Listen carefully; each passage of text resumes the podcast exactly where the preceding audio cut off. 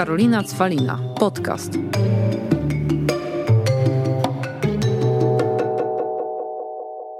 Dzisiejszym moim gościem jest Agnieszka Ciećwierz, specjalistka od rekrutacji, partner zarządzający w Sigmund Polska. Agnieszka, witam. Powiedz nam, Sigmund Polska, co to? Bardzo ciekawe pytanie, Karolino. Zygmunt Polska to przede wszystkim e, firma, która zajmuje się a muszę to podkreślić, to jest moja firma, która zajmuje się przede wszystkim badaniem potencjału, jak i również badaniem kompetencji kandydatów oraz osób, które już pracują. E, są to przede wszystkim nasze autorskie testy do badania kompetencji, czyli testy kompetencyjne. E, oprócz tego, że robimy te badania, zajmujemy się też badaniami satysfakcji pracowników, badaniami zaangażowania, e, pomagamy w rekrutacjach, układamy procesy HR-owe, i przeprowadzamy szkolenia. No i temat długi i szeroki, więc od początku mm-hmm. testy kompetencyjne. Mm-hmm. Po co, na co, dla kogo? Tak naprawdę testy kompetencyjne są po to, żeby ułatwić pracodawcom e, dobór odpowiedniego kandydata na dane stanowisko.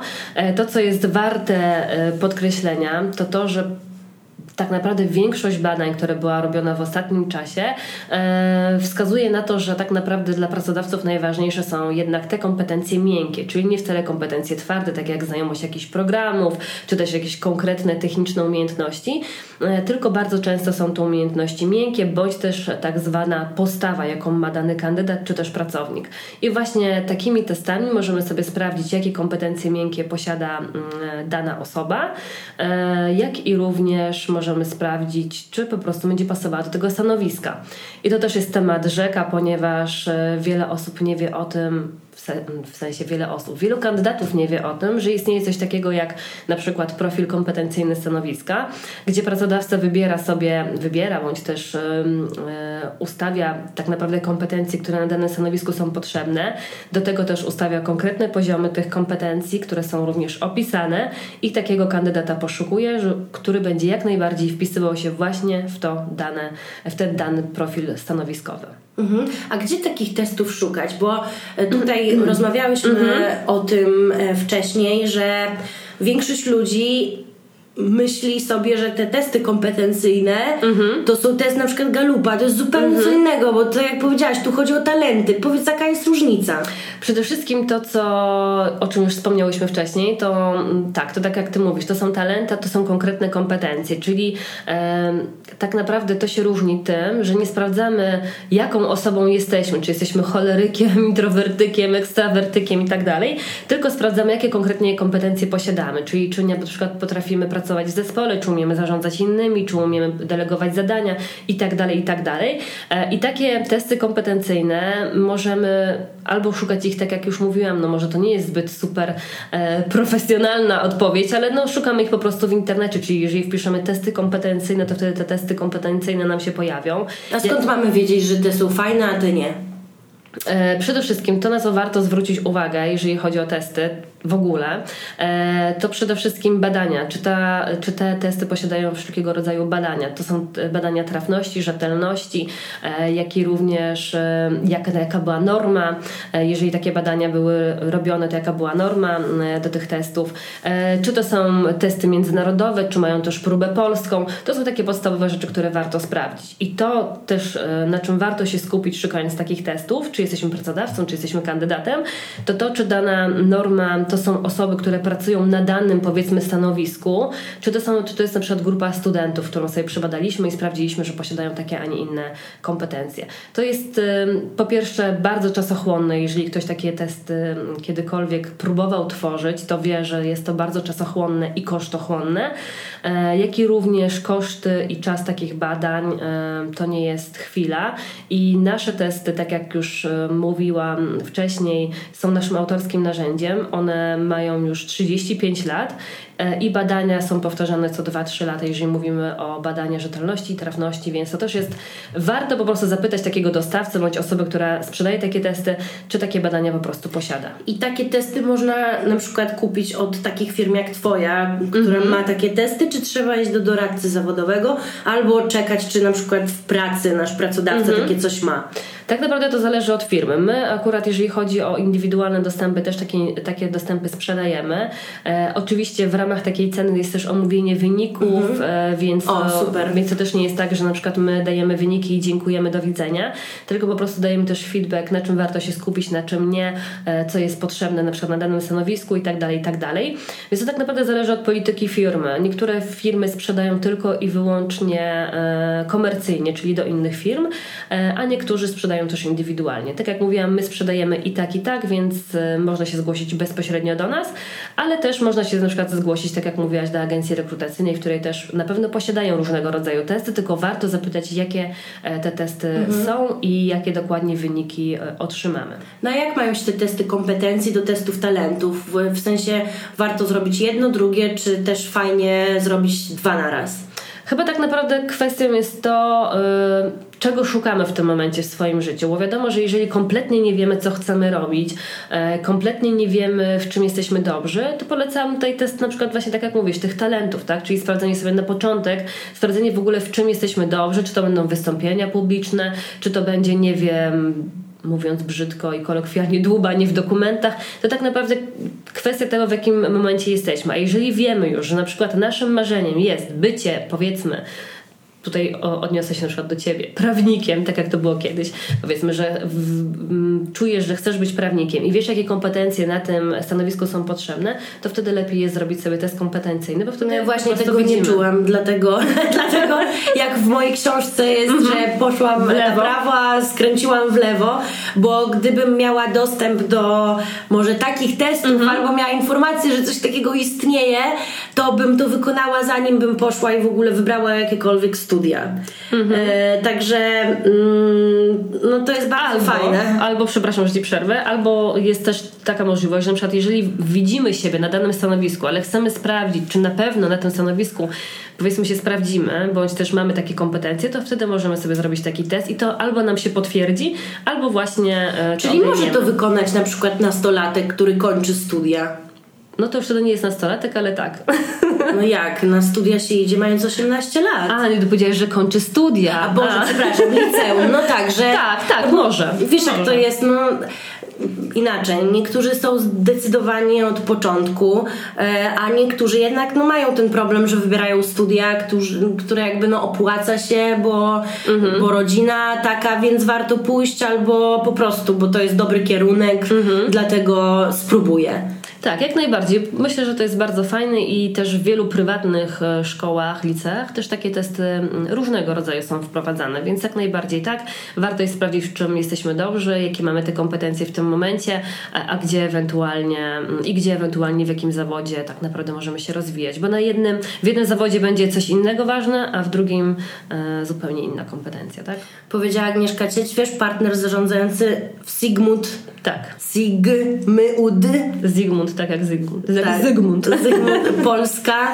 Em, no dobrze, fajnie. No to w takim razie mam nadzieję, że osoby, które nas tutaj słuchają, e, nawet zobaczą, co można zrobić, sprawdzić, ale w sumie łączy się to z kolejną taką kwestią, którą dzisiaj chciałam z Tobą omówić, czyli pokolenie Z. Pokolenie, które dopiero idzie do pracy, zaczyna swoją karierę, ścieżkę zawodową. Pokolenie, które jest bardzo wymagające. E, I bardzo mi się podoba też coś, o czym wcześniej e, rozmawiałyśmy i chciałabym, żebyś to tutaj powtórzyła e, osobom, które będą nas słuchać, że pracodawcy przygotowywują się, aby przyjąć to pokolenie Z pod swe skrzydła. Tak, przygotowują się to na pewno. E, Przede wszystkim to, że jest wzmożona ilość wszelkiego rodzaju szkoleń, czyli jak komunikować się z tym pokoleniem, co jest ważne, ale też e, to, co daje się zaobserwować, to to, że coraz więcej firm rezygnuje z niektórych rzeczy na rzecz zupełnie innych, na przykład narzędzi. Powiedzmy, że teraz coraz, znaczy to, co daje się zauważyć, to to na pewno, o czym też często piszę, mówię, e, to to, że firmy coraz częściej rezygnują na przykład z oceny rocznej na poczet na przykład constant feedbacku, czyli takiej bieżącej informacji zwrotnej i to też e, wymusiło to pokolenie IY, i pokolenie Z, dlatego, że tak jak wiesz, bo też jesteś z tego pokolenia Y bardziej, tak jak i ja podejrzewam, e, czyli osób, które już też dorastały, no może nie od razu z internetem, ale jednak w tych czasach, kiedy ten internet był bardziej dostępny niż dla naszych rodziców, co jest mhm. oczywiste.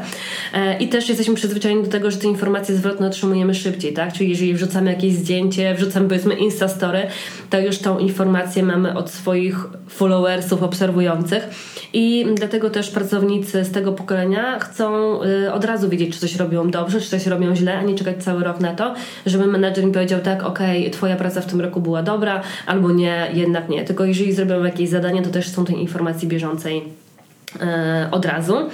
E, I to, o czym warto też wspomnieć, to to, o czym już też mówiłyśmy na filmiku, czyli przede wszystkim to, jak zmieniają się biura, czyli też jakie są teraz e, wyposażenia biur, że są te pokoje relaksu, pokoje zabaw wszelkiego rodzaju, to, że jest teraz elastyczny czas pracy e, i tym podobne, więc to też coraz bardziej się zmienia. Też to, że powiedzmy... Mm, nie Mówiłaś powiedzmy, o home office, że teraz jest mhm. bardziej dostępny.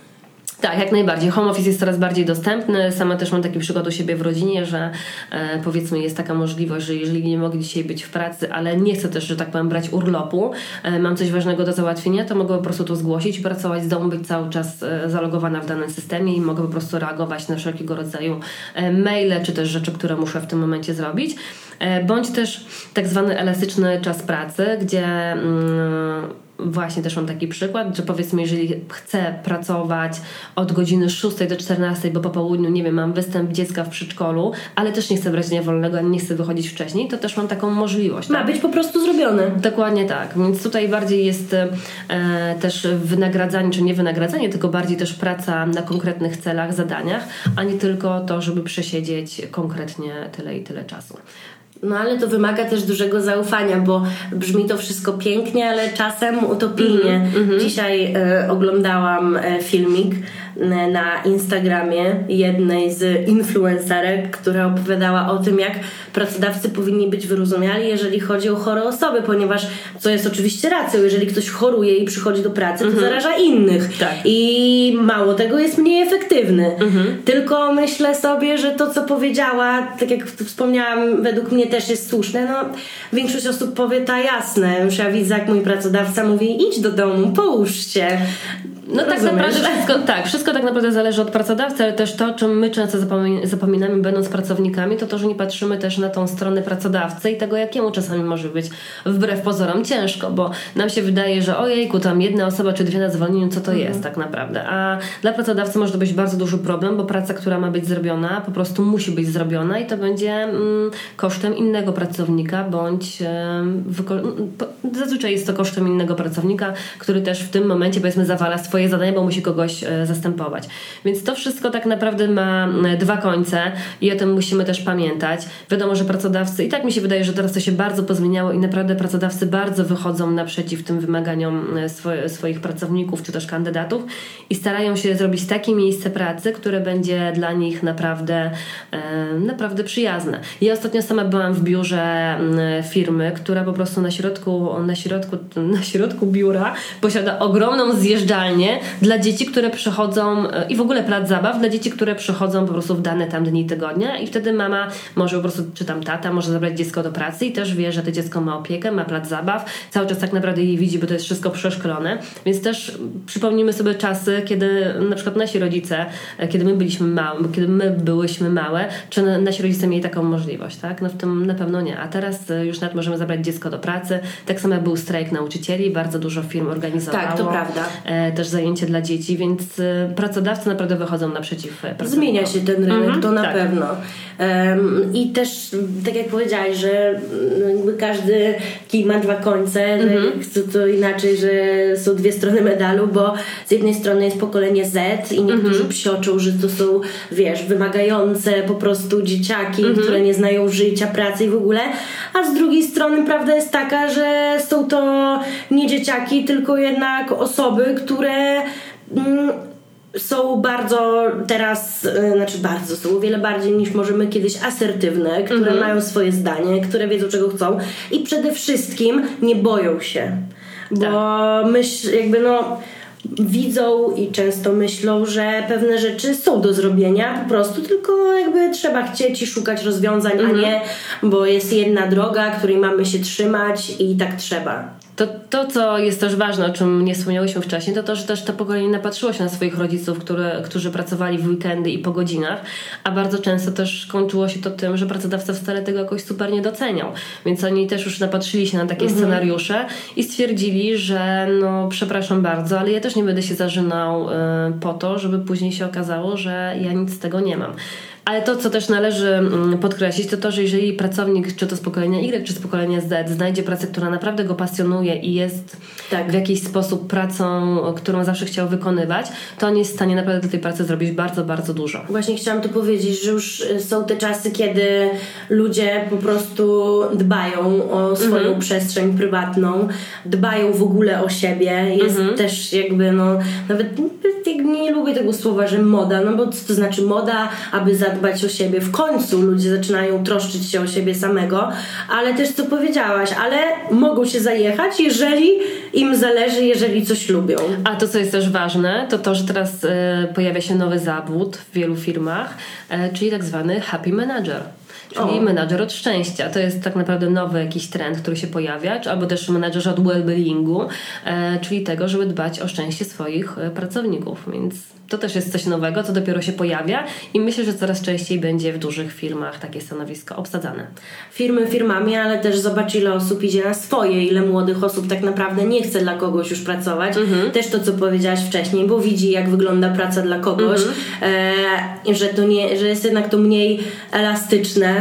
Znaczy, wiesz, ja to akurat jako własna jakby też mogę o tym też Tak, wiem, że to z tą elastycznością to też nie jest taki jakby Mm, własny biznes to jest często orka na ugorze i jakby jest, potrafi być ciężko, no ale z jakichś powodów to też mhm. robię, no bo między innymi sama sobie wyznaczam, kiedy pracuję, kiedy nie, ale to jest już e, inny temat e, i no ale ludzie chcą i próbują, tak? Nie chcą jakby, chcą pracować na swoje własne nazwisko. Ja tutaj akurat na temat tego mam takie mieszane uczucia, ponieważ e, pamiętam, że kiedyś e, miałam okazję prowadzić też zajęcia dla studentów i bardzo dużo studentów oczywiście powiedziało, że oni to będą mieli własne firmy, ale wydaje mi się, że nie do końca też te osoby sobie zdają, z czym to się je. E, I spotykam się też często z taką, z taką, z taką wizją, że ja będę panem prezesem, a ludzie będą dla mnie pracować i tak to będzie Czy wyglądało. Słuchaj, ostatnio moja koleżanka, e, która wręcz, wiesz, się pogniewała, mhm. znaczy pogniewała, no na chwilę na mnie, mhm. ale powiedziała coś takiego, że ona wie, że będzie najszczęśliwsza prowadząc swój własny biznes, bo ona lubi mieć takie dni, kiedy sobie jeździ, ma coś do załatwienia, wystawi fakturkę. No, gdyby na tym polegało prowadzenie własnego biznesu, tak. to ja faktycznie jestem swoim happy po prostu szefem, menadżerem od razu. No tak, tak? tylko siedzisz i wystawiasz fakturę, a klienci sami przychodzą. Dlatego ja, wiesz, to jest tak, że nigdy w życiu nie będę negować tego, że korporacje są super, mhm. E, bo są super. Jeżeli ktoś potrafi odnaleźć się w takim środowisku, działać, korzystać z tego, co dają korporacje, korporacje, bo korporacje bardzo dużo dają, mhm. jeżeli chodzi o rozwój. Nawet tak. tak jak mówisz, happy manager, no błagam cię. Tak. Takie dodatki, już nie mówiąc o stałej pensji i ogólnych takich Dać dodatkach. świetny przykład. To, ale wiesz, to jakby mhm. to super, jak ktoś mhm. potrafi tak yy, i odnajduje się w tym środowisku, mhm. to ja mu bardzo zazdroszczę, bo no, ja akurat lubię być swoją własną szefową i tak jak powiedziałam, jest ciężko, ale z jakichś powodów to, to robię, co, mhm. co nie znaczy, że to jest dla każdego i to, co tutaj wspomniałaś, ludzie myślą, że to jest takie, wiesz, wiesz, proste, ale dlaczego tak myślą? No bo tak to jest często pokazywane. No otwórz Instagram. Jakby jest sukces za sukcesem. Mało no tak. kiedy ktoś pokazuje, co się dzieje od środka, mhm. jak przeżywa, jak płacze. Czemu pisze w swojej książce, że prawdziwych przyjaciół poznaje się w sukcesie? Bo odkąd idzie mi bardzo dobrze, to się zawodzę coraz częściej na ludziach tak naprawdę. No bo to tak jest, to już też o tym rozmawiałyśmy. Ale a propos takiego przykładu, e, co mi się przypomniało, a propos korporacji, które są właśnie złe i dobre, to przypomniało mi się, e, jak kiedyś byłam na e, jednej z konferencji, właśnie takiej dla niby kobiet przedsiębiorczych, bla, bla, bla. E, no i jedna dziewczyna opowiadała o tym, jaki świetnie idzie biznes, e, no w ogóle super, kiedy urodziła dziecko, ona w ogóle tam sobie wymyśliła jakiś tam niszowy produkt, no już idzie jej coraz lepiej. I tak dalej, i tak dalej. I pamiętam, że był, um, był, no oczywiście była w korporacji, która ją w ogóle y, tam zniszczyła, że życie i tak dalej, zniszczyła w sensie takim, że wiesz, nie miała czasu dla, dla nikogo, dla męża, dla rodziny. No i zaczęłyśmy rozmawiać y, i pamiętam, że był, y, zadała mi pytanie, no okej, okay, rozumiem, że teraz tylko z tego się utrzymujesz, a ona na to, nie, no nie, jestem na, na macierzyńskim. Mówię, aha. No wiesz o co chodzi. No stylu, ta korporacja jest bardzo zła, ale w tym momencie jestem na macierzyńskim, czyli i tak nie płacę ZUS-u. E, wiesz, żyję sobie spokojnie. Mój mąż pracuje nadal w tej samej korporacji, więc ma świetną pensję, ale ogólnie to korporacja mnie zniszczyła. To jest Agnieszka, jak e, ogólnie ja e, jakby często znając, co się dzieje z tyłu, się śmieję, jak ludzie się nabierają, oglądając na przykład kogoś, który właśnie opowiada, że o, jak super, e, w ogóle wiesz, super życie mhm. mam, bo pracuję, ale przy okazji dbam o siebie, potrafię odpocząć i tak mhm. dalej, a wychodzi, że za tym po prostu stoją możliwości w stylu mąż, który jest naszym podparciem, tak. albo jest gdzieś indziej na, nawet na jedną czwartą etatu i ma tą pensję, ma zapłacone tak, różne rzeczy i tak. się nie musi martwić. Mhm. I miałam taką, mówię miałam, bo to jest jedna z osób, która mnie bardzo zawiodła, e, która jak poszła na swoje, to non-stop po prostu był dramat, narzekanie, bo też tutaj nie umiała do, dobrze o to zadbać, mhm. żeby pewne rzeczy porozwijać kiedy poszła do firmy pracować, ale nikomu o tym nie powiedziała, mhm. a dalej robiła, wiesz, jakieś tam swoje mhm. inne rzeczy, to nagle była wielka radość i pokazywanie wszystkim, jak jest super.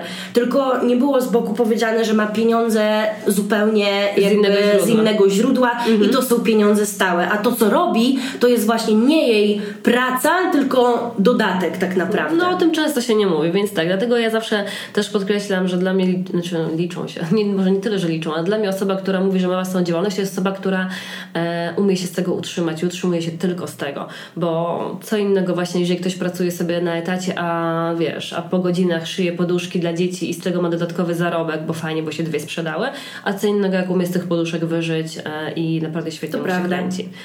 Więc dużo osób sobie po prostu z tego nie zdaje sprawy, ale fajnie spróbować, bo myślę, że jak ktoś spróbuje, to wtedy wie, czy taka praca jest po prostu dla niego, e, czyli ta własna działalność, czy też po prostu jednak warto jest wrócić właśnie do korporacji, które, tak jak mówisz, wcale nie są złe i też tak Można uważam. dużo skorzystać. Dokładnie tak. Ja też pracowałam bardzo długo w różnych korporacjach i e, szczerze mówiąc e, podobało mi się i na pewno bardzo dużo z tego wyniosłam, bardzo dużo rzeczy się nauczyłam. Byłam na świetnych szkoleniach e, i poznałam też bardzo dużo fajnych e, ludzi, z którymi mam też kontakt do dzisiaj, więc.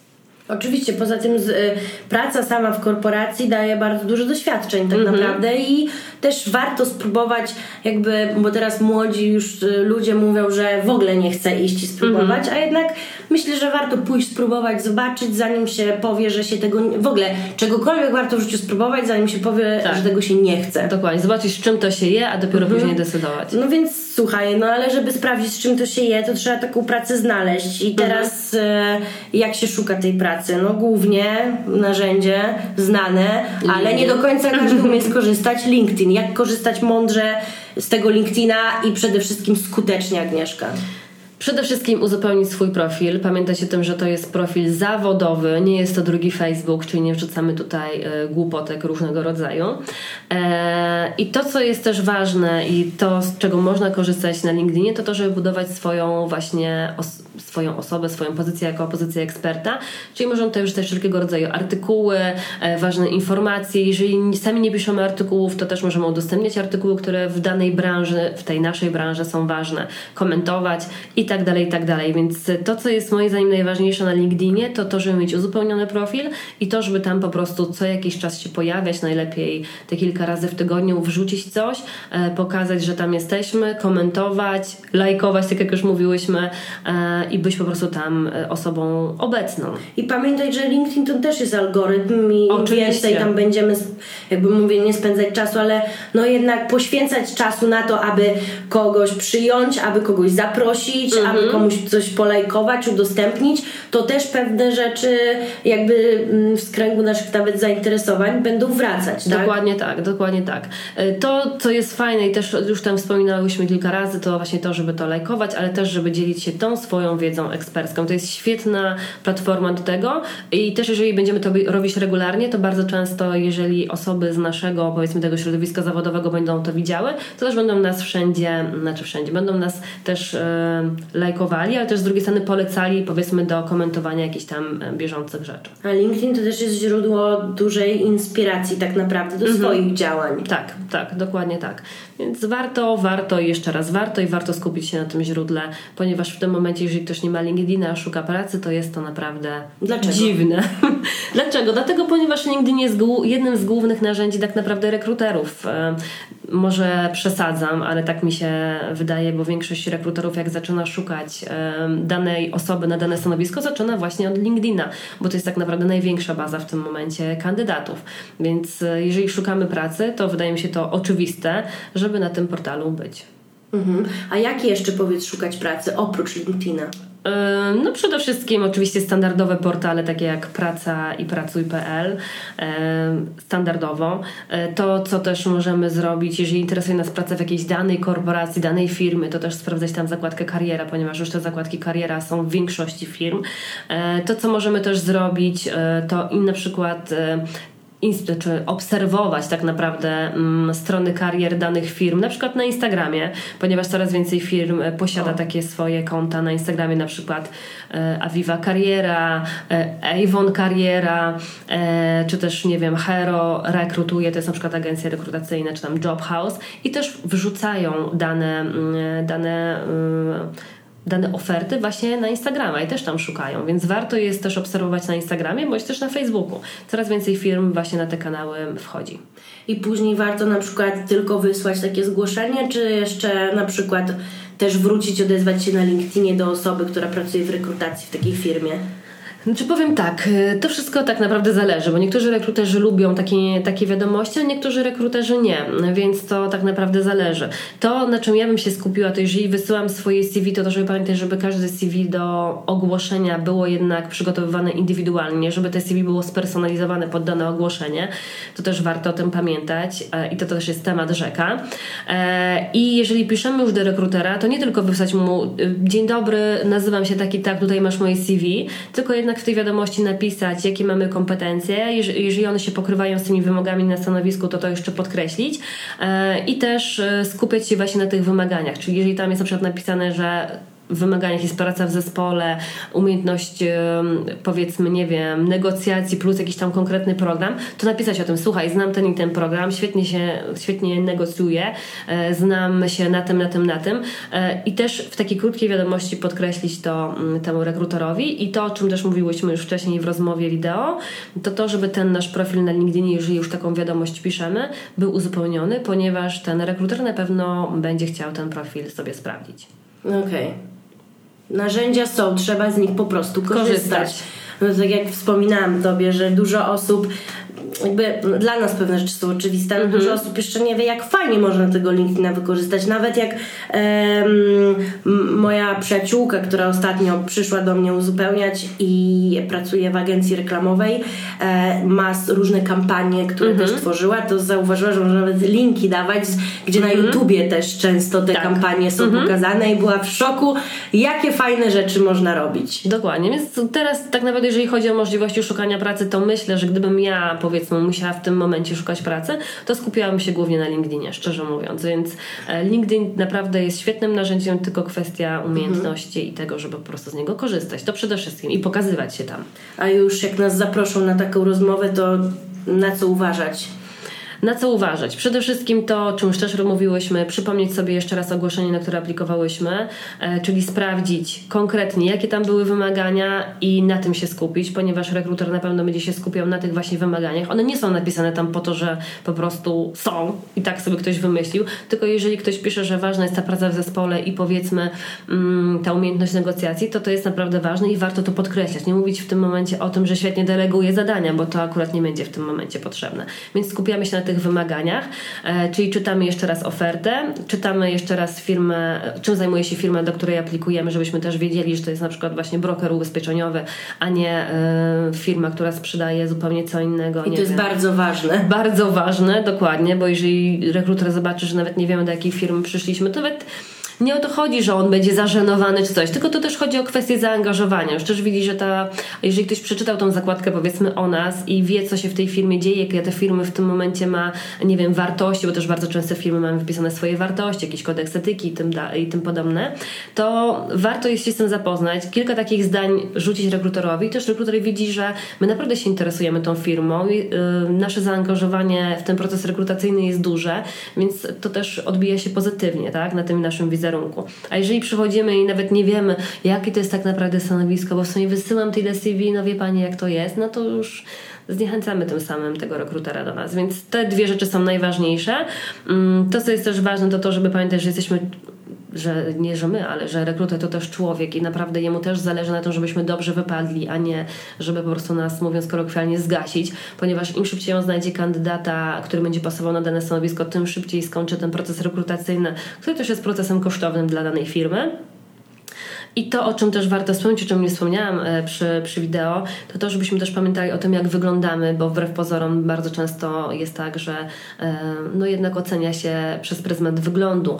I nie chodzi mi tutaj o to, że. Mm, to jest dobre, czy to jest złe. Po prostu tak jesteśmy skonstruowani, że nas, nasz mózg tak działa, że jeżeli widzimy osobę, która przychodzi ubrana, nie wiem, w białą koszulę i w ciemne spodnie, to kojarzy się to z profesjonalizmem, a co innego jak przyjdzie y, chłopak, który przyjdzie w klapkach w lato, w japonkach, w krótkich spodenkach i w koszulce na ramionczko, bo też tacy kandydaci przychodzą, więc, więc y, to też jest ważne, jak wyglądamy, to żebyśmy wyglądali profesjonalnie y, i po prostu żebyśmy pamiętali o tym, że rekruter też jest po prostu człowiekiem i też zależy mu na tym, żeby żeby szybko tego kandydata znaleźć. No dobra, Agnieszka, no to takie wiesz, trzy rzeczy, które warto pamiętać szukając pracy. Po pierwsze, wiedzieć czego szukamy. Mhm. to jest bardzo ważne.